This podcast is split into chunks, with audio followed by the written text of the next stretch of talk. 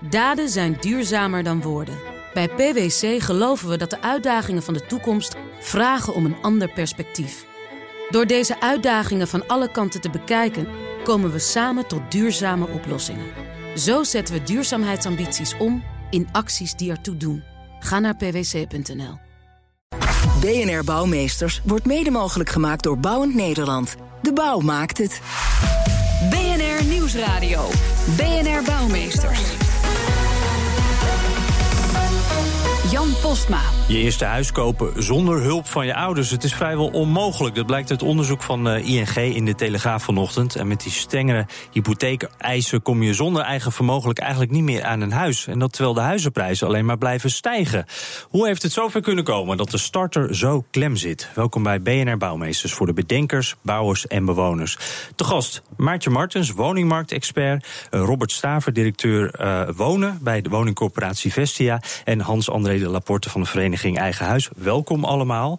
Uh, ja, laten we eventjes maar even kijken. Hoe laat dit kabinet eigenlijk de woningmarkt achter? Wat voor cijfer zou u minister Blok geven, Maartje Martens? Jeetje. Um, ja, we beginnen altijd moeilijk, maar daarna wordt het ja. makkelijker hoor. nou, voor uh, de. Poeh, Zou het een voldoende zijn? Nee, voor mij geen, geen voldoende. voldoende. Nee, ik vind dat hij de sociale huursector met name uh, veel te zwaar heeft belast. Uh, en zit het al wel dicht tegen een voldoende aan, of dat eigenlijk ook niet? Nee. Niet echt. Oeh, kijk, nee. nou, uh, Robert Straver van Vestia, hoe kijkt u er tegenaan? Uh, mager zesje. Mager zesje. Dan uh, is uh, Hans-André de Laporte zou dan zeg maar net het verschil kunnen maken. Voldoende, onvoldoende? Nee, ik kom net boven de uh, voldoende, net op een voldoende uit een zesje. Want de, er zijn een paar maatregelen genomen die de effecten van de crisis, waar we allemaal mee te maken hebben, hebben versterkt. En daardoor is Nederland heeft zwaarder te lijden gehad dan andere Europese landen. Oké, okay, nou goed, daar gaan we het allemaal natuurlijk nog uitgebreider over hebben. Maar laten we eerst even beginnen met die starter. Die heeft het nu dus ontzettend moeilijk. eigenlijk zijn er tekorten op huurmarkt en koopmarkt. Uh, hoe komt het dan dat die, die, uh, uh, ja, die, die, gevolgen van de crisis... dat dat hier sterker is gevoegd? Hoe, hoe is dat gekomen? Nou, de hypotheek eisen of de, de maatregelen die, zijn, die het kabinet heeft genomen om de hypotheekverstrekking te beperken, daar gaat het om, die ze waren in 2011. En dat was eigenlijk op het hoogtepunt van de crisis. En daar, uh, daardoor hebben heel veel mensen gemerkt, ten eerste, we moeten gaan aflossen. Dat is een goede maatregel hoor, dus een annuitaire hypotheek. Uh, maar de tweede is, we kunnen gewoon minder lenen. De, de, de criteria die zijn uh, zo op elkaar gestapeld dat eigenlijk een, een onverantwoordelijke, onverantwoord hoge hypotheek was niet meer mogelijk. Dat is goed. Maar aan de andere kant het werd zo, uh, de druk was zo hoog, dat je daardoor uh, een heleboel mensen gewoon niet meer aan de bak komen. En dan kijk ik ook even naar de huursector, want dan is de, dat waren de mensen die eigenlijk niet meer in aanmerking komen voor een sociale huurwoning, omdat ze te veel verdienen, alleen of met z'n tweeën. Maar ook niet meer bij de bank aan konden kloppen, omdat ze geen vast contract hadden of niet mm-hmm. voldoende verdienden om een hypotheek te kunnen afsluiten. En daar, daar is echt een groot probleem ontstaan, waardoor de huizenprijzen in die tijd tussen de 20 en de 25 procent zijn uh, gedaald. Dat is ongeveer twee keer zoveel als in landen om ons heen. Mm-hmm. Maar uh, dat herstelt nu weer snel. Maar het problemen waar je het net over begon, dat is echt wel een randstadprobleem. En helemaal in Amsterdam en Utrecht. Als je dit probleem bekijkt in, in Enschede of zoiets, wordt het niet herkend. Hoor. Wordt niet herkend. Nee. Ja, is dat ook iets wat u bij Vestia ziet? Ja, ik herken heel sterk dat het een regionaal vraagstuk is. Mm-hmm. Uh, er zijn regio's waar je relatief wat sneller aan een woning komt in de huurmarkt dan in de Randstad. Uh, met name ook, uh, u noemde het even Amsterdam en Utrecht. Maar wij zien het ook nu op dit moment bijvoorbeeld in Den Haag. Daar begint toch echt een tekort te komen aan sociale huurwoningen. Uh, ook als we naar de cijfers kijken, er zijn nu minder sociale huurwoningen dan twee jaar geleden. Nou, tel dat op bij een probleem om op de koopmarkt uh, te komen. Ja, dan heb je eigenlijk de cocktail uh, in handen dat er ja. minder woningen beschikbaar zijn. En dan denk ik bij mezelf, ja, we weten dit probleem. die crisis die, die zijn we achter ons aan het laten. waarom gaan we niet gewoon meer bouwen? Wat is nou die belangrijkste drempel voor u? Nou, niet de wil. De, veel corporaties willen bouwen. Uh, vier jaar geleden is er een verhuurderheffing gekomen. Die heeft grote impact gehad op het bouwen door woningcorporaties. Daar beginnen we nu een klein beetje wel weer in te groeien. Dat is het goede nieuws. maar je ziet dat de bouwproductie flink is ingestort.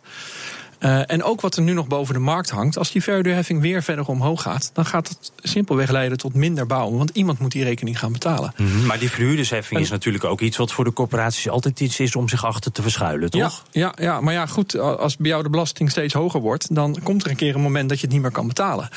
En, en is het bij corporaties uh, al zover, inderdaad? Nou, als die nog verder omhoog gaat, dan uh, gaat dat grote gevolgen hebben voor de bouwproductie. Dat is, dat, ik, ik kan niks anders zeggen dan dat. Een tweede punt is dat we wel vaak willen, maar dat het ook wel moet kunnen. Uh, gemeentes zijn vaak degene die over de bouwgronden gaan. Uh, het is aantrekkelijk ook om die voor twee onderin kappers, om voor de wat hogere inkomens uh, en wat minder aantrekkelijk om daar kleine betaalbare sociale huurwoningen neer te zetten. Mm -hmm. Nou, wij vinden het heel erg belangrijk dat die er wel komen. dat geeft ook voor starters een kans die misschien nu niet op die koopmarkt terecht kunnen. Maar dan zullen ook gemeentes met elkaar aan de bak moeten om eerlijker met die grondposities om te gaan. Ja, Maartje Martens, is dat inderdaad, zijn die gemeentes, hebben die een sleutelpositie hierin? Uh, absoluut in, uh, in, in het bouwen. Maar ik wilde eigenlijk nog terugkomen op de vraag naar de stijging van de huisprijzen in, in Nederland. Ja.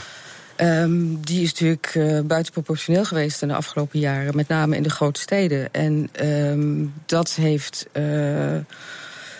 de koopstarters op grote achterstand gezet. Maar de, degenen die daarvan van geprofiteerd hebben, zijn natuurlijk de doorstromers die daarmee uh, uit hun onderwaterhypotheekpositie kwamen en konden doorstromen en de woningmarkt ja, ja, ja. in die zin weer in beweging hebben kunnen zetten. En uh, konden verhuizen. En dus die hebben zeker kunnen profiteren daarvan. Het probleem is alleen dat stijgende huizenprijzen, waar ook uh, ter wereld, en in Engeland is daar onlangs een prachtig onderzoek naar gedaan uh, door een, een, naar de oorzaken van de het terugloop van de koopwoningsector. het aandeel, aandeel um, heet dat, uh, eigenaar-bewoners neemt daar terug, juist door de stijging van de huizenprijzen. Mm -hmm. Juist omdat het is een, gro een, grote contradictie eigenlijk dat aan de ene kant klagen we erover dat steeds minder mensen een woning kunnen kopen en uh, dat graag willen. Tegelijkertijd juichen we dat de huizenprijzen stijgen en dus de woningmarkt herstelt. Het U bedoelt eigenlijk, het is maar net in welke positie in welke je ook positie zit. Je als je in het bootje zit is er geen probleem, maar Precies. als je buiten het bootje ja, bent, ja. dan. Uh, maar ook voor de koopwoningsector zelf, tenminste als het om de eigen eigenaar-bewoners gaat, is het geen positieve ontwikkeling als de woningprijzen stijgen. Want steeds minder mensen hebben de mogelijkheid om een huis te kopen. Mm -hmm. Nou, is er wel nou, een. een Vergis je niet hoor, want de, de stijging van die huizenprijzen die zo hard is, de, de drijver daaronder is natuurlijk de lage hypotheekrente. En een heleboel ja. huurders um, die zijn uh, nu geïnteresseerd in een koopwoning. Want ze zien dat de huren door het, door het beleid van de overheid gaan stijgen. Um, ze kunnen een huis kopen wat met dezelfde woonlasten vaak beter is. En je kan die rente 20 jaar laag vastzetten. Ja. Dus je bent 20 jaar lang verzekerd van dezelfde lage maandlasten. Daardoor is er met name in Amsterdam of in de Randstad in de maar een enorme druk op de koopwoningen die toch al schaars zijn vanuit de huursector. Ja. Klopt. Maar het is wel een tijdelijke situatie. Iedereen weet dat de rente binnen afzienbare tijd toch weer gaat stijgen. En dat verandert de situatie. Ja, maar het wordt al een tijdje voorspeld en het is nog niet gebeurd. En hij is nog steeds echt extreem laag. En dat is toch echt met de uitgestelde verhuisbehoeften die mensen hadden. Hè, dus in de crisisjaren. Ja. Uh, door de onderwatersituatie, u noemt het al, er zaten een heleboel mensen vast. Die konden mm -hmm. gewoon niet verhuizen met die restschuld. Nu gaat dat weer, uh, weer beter. Um, en ze, kunnen nu, en ze willen, willen ook weer verhuizen. Met die lage rente is dat, uh, is dat aantrekkelijk om dat, die beslissing nu te nemen. Mm. Maar als je die hypotheek wil kunt krijgen en je kan er geen huis bij vinden, dan houdt het ja, alsnog op. Dus nog dat stil, is, uh, ja, dan zie je dat het vertrouwen ja. toch echt wel onder druk staat. Uh, mevrouw Martens, wat ik ook nog even van u wil horen. Ik heb ook begrepen, uh, het CBS meldde deze week dat ouderen, dat is nou net die groep die, die vaak wel dat geld hebben. En die denken ja. nu ook bij die lage rentes, dat ga ik niet op de bank zetten. Laat ik een beetje gaan investeren. Hoe, hoe gaat dat in zijn werk? Wat ziet dat u daar? Het zijn niet per se ouderen, maar er zijn steeds meer mensen met vermogen die zien dat ze op de bank je geen rente krijgt voor je, voor je vermogen. Uh, zich gaan bewegen op de koopwoningmarkt en daar lege woningen kopen en gaan verhuren. En dit voor... zijn dus mensen die ja. hebben al een woning, maar ja. die denken als investering koop ik er wel bij. En die groep die groeit, die is uh, op dit moment uh, in Amsterdam zo rond 22, 25 procent. En landelijk stijgt die ook al en zit hij al rond de 17 procent. Dan heb ik het over begin 2016. Dus dat dat is een, een aanzienlijk aan, uh, aandeel, aandeel ja. in de woningmarkt. En dat bepaalt ook in hoge mate wat de prijzen gaan doen in de woningmarkt. Want het is een extra concurrentie. Ja. En zij uh, komen met eigen geld. Ze kunnen het anders financieren dan de meeste koopstarters die. Uh, sneller reageren dan? Sneller reageren, precies. Ja. Daar zijn de makelaars ook blij mee. Ja. Dus het is een geduchte concurrent die de woningprijzen fors uh, omhoog uh, gooit. Ziet, ziet, u dat ook, Hans van Reden Laporte? Ja, dat, dat is zo. Een heleboel mensen die, die herkennen dit omdat ze een huis kochten voor hun studerende kinderen. En daarna houden ze het aan om te verhuren. Ja. Of om er later zelf te kunnen gaan uh, wonen. Het is zo dat vermogens op de bank niks opbrengen. En als je er onroerend goed van koopt, dan brengt het zeker wel wat op. Dus het is een aantrekkelijke investering. Het is wel zo dat dat echt ook wel weer. u heeft daar meer cijfers van, denk ik, aan randstadverschijnsel lijkt te zijn, wat misschien nu uitwaaiert over de rest van het land. Ja. Maar uh, de, de starters hebben het daardoor inderdaad moeilijk. Want die zien mm -hmm. dat de, de woning die nog voor hen betaalbaar was, nu snel is gekocht door iemand die dat voor een deel zelf kan betalen, of zelfs helemaal. Om het dan vervolgens, om het dan vervolgens te gaan verhuren. Nou is het wel zo dat die particuliere huursector in Nederland, in vergelijking met het buitenland, heel klein is. Dus vanuit het oogpunt van heb je een keuze tussen een corporatie of een particuliere sector, die vrije sector, mm -hmm. is het wel een goede ontwikkeling. Maar ik begrijp dat het de, de toch een krappe woningmarkt, want we hebben gewoon te weinig woningen in Nederland, ja. extra onder druk uh, zet. Uh, Robert Savi, u knikt, maar ik, ik, kan me ook voorstellen, dit, dit, zou ook voor wat doorstroming kunnen zorgen weer. Toch wat meer aanbod. Zeker, zeker. Kijk, um, misschien is het ook wel even goed om te benadrukken dat uh, de mensen die nog steeds het meest een woning nodig hebben, terecht kunnen bij een woningcorporatie. Dus als je echt urgent bent, dat kan zijn omdat je statushouder bent, uh, niet te veel verdient, uh, vanuit een medische reden. Of nou, er zijn tal van omstandigheden die groep hebben binnen korte tijd uh, een woning. Het deel wat uh, over is voor meer reguliere woningzoekenden, jonge starters vooral, ja, dat is kleiner geworden. Nou, mm -hmm. Het is alleen maar goed als er een, een sterke particuliere huursector komt. Wat daar wel nog een probleem is, is dat een hoop beleggers, en wij spreken daar ook mee, zeggen van ja, voor ons is het pas interessant vanaf 1000 euro in de maand. En daar zullen ze nog meer, ook met corporaties, het gesprek aan moeten. Want corporaties houden heel veel woningen die een goede kwaliteit hebben onder een bepaalde grens, ook vanuit hun volkshuisvestelijke belang. Mm -hmm. En dat zit zo dicht op elkaar in die markt, dat een belegger zegt: ja, een woning voor 800 euro, ja, dat win ik nooit in concurrentie met een woningcorporatie. Dus die gaan echt in dat hogere segment zitten. Dus er ontstaat in dat, in dat kleine segment tussen 700 en 1000 euro echt een tekort. Mm -hmm. Nou, het zou fantastisch zijn als particulieren daar meer inspringen, maar die geschiedenis of die historie in Nederland hebben we niet. Oké, okay, nou gaan we het zo nog even verder over hebben. En ook de vraag, wat gaat er gebeuren met de woningmarkt... als er weer een VVD-minister van Wonen komt? En wat nou als er een linkse partij een minister daarvoor mag aanstellen? We praten zo over na de reclame. BNR Nieuwsradio. BNR Bouwmeesters. Op welke partij moet u stemmen als u een woning bezit en op welke als u een woning wilt bezitten? Dat is nogal een wereld van verschil. De verkiezingen komen er weer aan en ook de woningmarkt speelt een belangrijke rol. Wat moet het kabinet doen om de woningmarkt weer een beetje stabiel te krijgen? Daarover praat ik verder met mijn gasten. Uh, Maartje Martens, woningmarktexpert, Robert Straver, directeur uh, wonen bij de woningcorporatie Vestia en Hans-André de Laporte van Vereniging Eigen Huis. En uh, daar wil ik even beginnen. U heeft het woonkieskompas in het leven geroepen. Die is er al al een tijdje. Wordt daar al veel uh, gebruik van gemaakt? 50.000 mensen hebben het nu bezocht, waarvan de helft alle vragen heeft uh, ingevuld. En dat gaat inderdaad als je uh, wonen in zijn algemeen, dat is zowel kopen als huren, belangrijk vindt. Dan kan je kijken hoe de partijen daar met jouw eigen standpunt overeenkomen. En, en, wat zijn dan de vragen die erin voorkomen? Het gaat over milieu. Ja. Bijvoorbeeld moeten er windmolens in de buurt van, de, van woongebieden komen. En dan moeten bewoners daar inspraak bij hebben of moeten ze een compensatie krijgen. Het gaat over het energielabel. Uh, moet je je huis verplicht gaan uh, energiezuiniger maken als je een slecht label hebt. Maar ook natuurlijk over de hypotheekrenteaftrek. Moet die verder worden of sneller worden afgebouwd.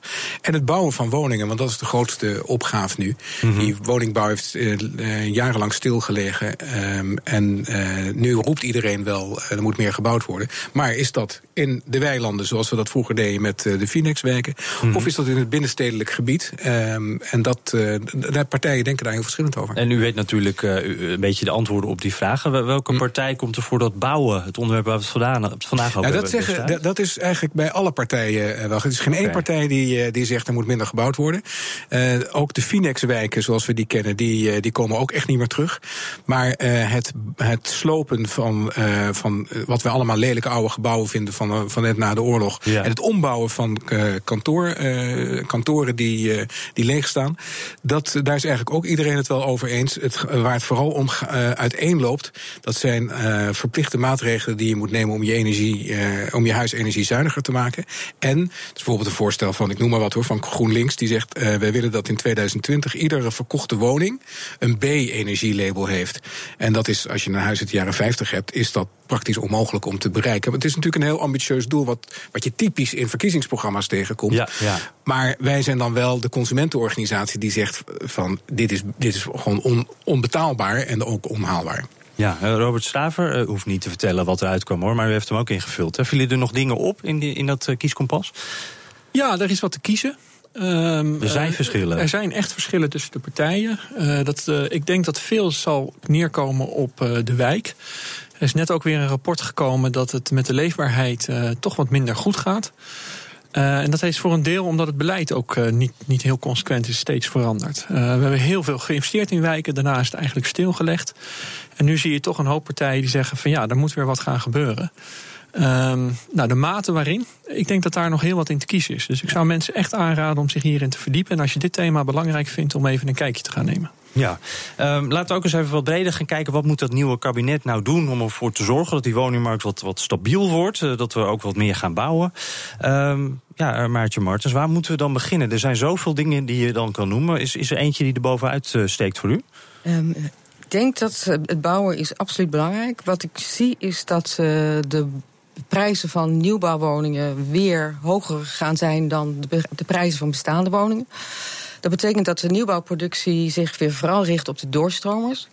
Dat is niet verstandig naar mijn idee. Vooral omdat de doorstromers uh, aan het uitfaseren zijn. Het gaat namelijk om een inhaalvraag die weer langzamerhand verdwijnt. Dat zie je ook aan het uh, verminderde aanbod in de, in de steden. Het begint in de grote steden en dat gaat dan langzamerhand naar andere gebieden. Ik denk dat er veel meer gebouwd moet worden direct voor de woningvraag die er is en voor de prijskosten die, die er starters. En, uh... Het zijn vooral de starters, inderdaad. Ja. Nou ja, in zowel de huur als de koopsector. Ja, ja daar moet u het wel mee eens zijn, toch? Nou, ik vind dat moeilijk hoor. Nou, oh. Nee, want kijk, de, de, als je heel Nederland vol gaat bouwen met nieuwe starterswoningen. Maar starterswoningen zijn geen uh, woningen in de zin van wat in 2008 starterswoningen waren, kleine nee. appartementen. Nee. Starterswoningen zijn voor startende gezinnen, bijvoorbeeld. Oké, okay. ja. ja, en je, je hebt, uh, ik denk wat heel belangrijk is, is dat je het lokaal oplost. Want de verschillen zijn lokaal heel erg groot. Op de ene plek zijn genoeg starterswoningen, terwijl er een groot tekort is aan, andere, aan de andere plekken. Voor ouderen denk ik maar aan, uh, is er, uh, wordt er veel te weinig gebouwd wat geschikt is. Dus dat heet levensloopbestendig. Maar geschikt is om, uh, om als ouder in te blijven wonen. Mm -hmm. um, dus je moet dat lokaal, dat is ook een beweging om de gemeente daar meer de regie te laten voeren. Um, wat wij wel merken, en ik, ik hoorde dat net ook al in de, in de, bij de woningcorporatie, dat het ontzettend stroperig en lastig is om iets voor elkaar te krijgen op gemeenteniveau. We hebben het hier ook in Amsterdam gemerkt dat we, we hebben ook brieven gekregen dat bouwers zeggen: we, zijn, we stoppen ermee. Er zijn weer zoveel procedures. Mm -hmm. uh, we hebben het al drie keer verlengd, het aanbod, en die kopers staan te wachten: wanneer ga je nou bouwen? Het ja. gaat gewoon niet meer gebeuren, want er is weer een procedure. En dan, en dan heb je het over binnenstedelijk, hè, dus voor vernieuwing, oud, oud weg, nieuw uh, bouwen. Ja, dan, um, dan, dan is ligt daar echt de opgave. Ja, Robert Staver, want we, we zitten vlak voor die verkiezingen, dus we hebben het natuurlijk over Den Haag. Maar moeten we eigenlijk naar die gemeentes kijken dus? Ja, die hebben wel een belangrijke rol. Ik vind het overigens een hele goede ontwikkeling uh, dat gemeentes meer sturing daarop uh, gaan krijgen. Dat, dat is met de nieuwe woningwet uh, geregeld. Overigens, -hmm. ook huurders hebben daar een belangrijke rol. Dat is wat minister Blok heeft gedaan. Ja, dat is onderdeel van die magere zes, om het zo maar te zeggen. Ja. Um, nee, en, en we maken daar ook wel, het wordt wel steeds beter, de afspraken die we daarover maken. Maar een van de dilemma's rondom duurzaamheid, kwam net ook al even langs, label B in 2020. Nou, dat is een onrealistische doelstelling. Want er zit ook een enorm spanningsveld in. Als wij uh, dat label B bijvoorbeeld maken, dan gaat de huur omhoog. En dan kun je wel zeggen, ja, dat verdienen de mensen wel weer terug via lagere energielasten. Maar dat zien we niet overal. Uh, mm -hmm. Dus de mensen die vertrouwen dat verhaal uh, niet. En dat is ook terecht. Dus het is een hele lastige afweging van ga je voor de portemonnee mm -hmm. of ga je voor de, uh, voor de duurzaamheid. En dat is soms op grote schaal goed te doen, maar op kleinere schaal nog een hele opgave. Wat is dan wel realistisch? Nou, um, ja. Dat is een moeilijke, merk ik. Dat is een moeilijke. Nee, kijk, uh, uh, de vraag is of je alles naar B moet doen. Wij uh, spreken er ook met experts over die zeggen: Nou, een, een C-comfort is al heel wat. laat ook vooral de mensen zelf kijken wat ze kunnen en willen. Dus probeer het meer van onderop te bouwen in plaats van van bovenaf op te leggen. Um, ik denk het allerbelangrijkste is uiteindelijk van hoeveel wil je ervoor uh, betalen? Hoeveel geld maak je hiervoor vrij? Want we hebben nog niet duurzaamheid uh, wat gratis is uitgevonden. En uh, ja, daar zal je echt ook vanuit de overheid je inzet op moeten gaan plegen. En, en waar heeft u het dan over? Zou dat dan een subsidie zijn? Of? Dat kan van alles zijn. Dat kan zijn uh, inderdaad een subsidie, dat, uh, ook aan de particulieren. Uh, je hoeft maar Duitsland in te rijden of je ziet dat er meer zonnepanelen. Mm -hmm. Ik ben zelf de enige in mijn straat. rij je Duitsland in, dan zie je er veel meer. Dat, dat is niet omdat de burgers daar meer groen waren, maar dat is omdat er een overheidssubsidie op zat. Dus je zult ook als overheid hier keuzes in moeten maken. En dan kunnen wij wel mee, want wij hebben ook wel het netwerk en de kennis. Mm -hmm. Maar op dit moment niet de middelen om dat op zo'n schaal te doen. Ja, is dat voor de VEH ook een belangrijk punt die duurzaamheid? Enorm, ja. Ja, ja. We hebben ook onderzoek gedaan en daaruit blijkt dat uh, de, de uh, enorm verschil is dat de, de burgers willen heel graag, maar die zeggen help mij dan overheid. En niet met hele kortstondige subsidies die, waar de van de potjes meteen leeg zijn, maar met een bestendig beleid. En de overheid ziet het nog steeds um, dat er een onwillige burger is die niet uh, zijn huis duurzaam wil maken en die je moet straffen of die je moet beboeten. Um, ja, en dat gaat niet werken. En dat, dat, dat merk je dat zodra je er een druk komt van u zult en u moet, want het staat in de regels, dan dat, daar, daar gaan mensen zich tegen verzetten. Dus, dus geef mensen het perspectief. Um, een handelingsperspectief waarmee ze hun eigen woning kunnen verbeteren, energiezuiniger maken, wat ze mm -hmm. weer terug uh, verdienen.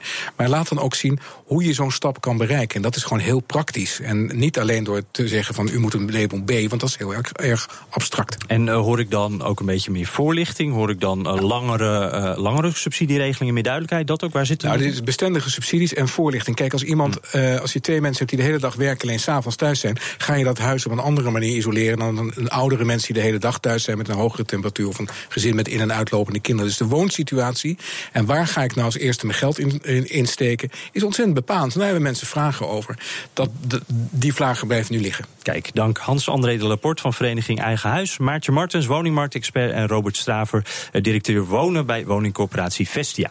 Vraag het Fred. Ja, in deze rubriek beantwoorden altijd een bouwvraag van de luisteraar. Met deze week de vraag in hoeverre kan ik de kosten van een verbouwing van de belasting aftrekken? Nou Fred, jij bent er eens even ingedoken. Jazeker, dat kan. Tenminste, uh, ligt er een beetje aan hoe je uh, die uh, verbouwing financiert. Als je dat met een lening doet, dan kan je de rente en de kosten daaromheen aftrekken van de belasting. Dus stel je leent 10.000 euro voor de verbouwing van je badkamer, kan je die rente daarover aftrekken. Die 10.000 euro zelf, die moet je wel gewoon normaal aflossen, mm -hmm. want die, daar geldt het niet voor. En het moet echt wel gaan om een constructieve uh, verbouwing. Dus stel jij wil een mooie gouden kraan in je huis of een Jij gordijn. Donald Trump, ja. Jij Donald Trump, dan uh, zou je toch echt, dan moet je denk ik sowieso zelf betalen. Maar dan zou je toch echt zelf moeten ja. betalen. Maar als je dus echt uh, wil verduurzamen of iets, dan kan je daar een lening voor aanvragen en die rente aftrekken van je belasting. Ja, en, en stel ik heb dat eigen vermogen, ik wil dat zelf financieren, hoe gaat dat dan? Dan, uh, ja, dan, zou je toch, ja, dan moet je het gewoon zelf financieren. En dan kan je het niet aftrekken. Maar ja, met de lage rente kan je het beter in je huis stoppen. Want wordt de waarde van je huis meer. En dan hou je er uiteindelijk toch meer aan over dan als je het gewoon op de bank laat staan. Dat lijkt me een hele mooie wijze les om mee af te sluiten. Tot zover deze uitzending van BNR Bouwmeesters. U kunt hem helemaal terugluisteren op bnr.nl slash bouwmeesters. En we zitten natuurlijk ook op Twitter. Dus hebt u tips voor ons of een vraag aan Fred, @bnrbouw of mail naar bouwmeesters.bnr.nl. Dank voor het luisteren. We hebben 193 buitenlanden. Dat is veel hoor. Bijna alles wat er gebeurt gaat ook over ons. Neem Europa of het Midden-Oosten of Amerika. In BNR De Wereld kijken we met Nederlandse ogen voorbij Nieuweschans, Hoek van Holland en Vaals. BNR De Wereld, het beste binnenlandse programma over het buitenland. Elke donderdag om 3 uur of wanneer u maar wilt via de BNR-app. BNR Bouwmeesters wordt mede mogelijk gemaakt door Bouwend Nederland. De bouw maakt het. Daden zijn duurzamer dan woorden. Bij PwC geloven we dat de uitdagingen van de toekomst vragen om een ander perspectief. Door deze uitdagingen van alle kanten te bekijken, komen we samen tot duurzame oplossingen. Zo zetten we duurzaamheidsambities om in acties die ertoe doen. Ga naar pwc.nl.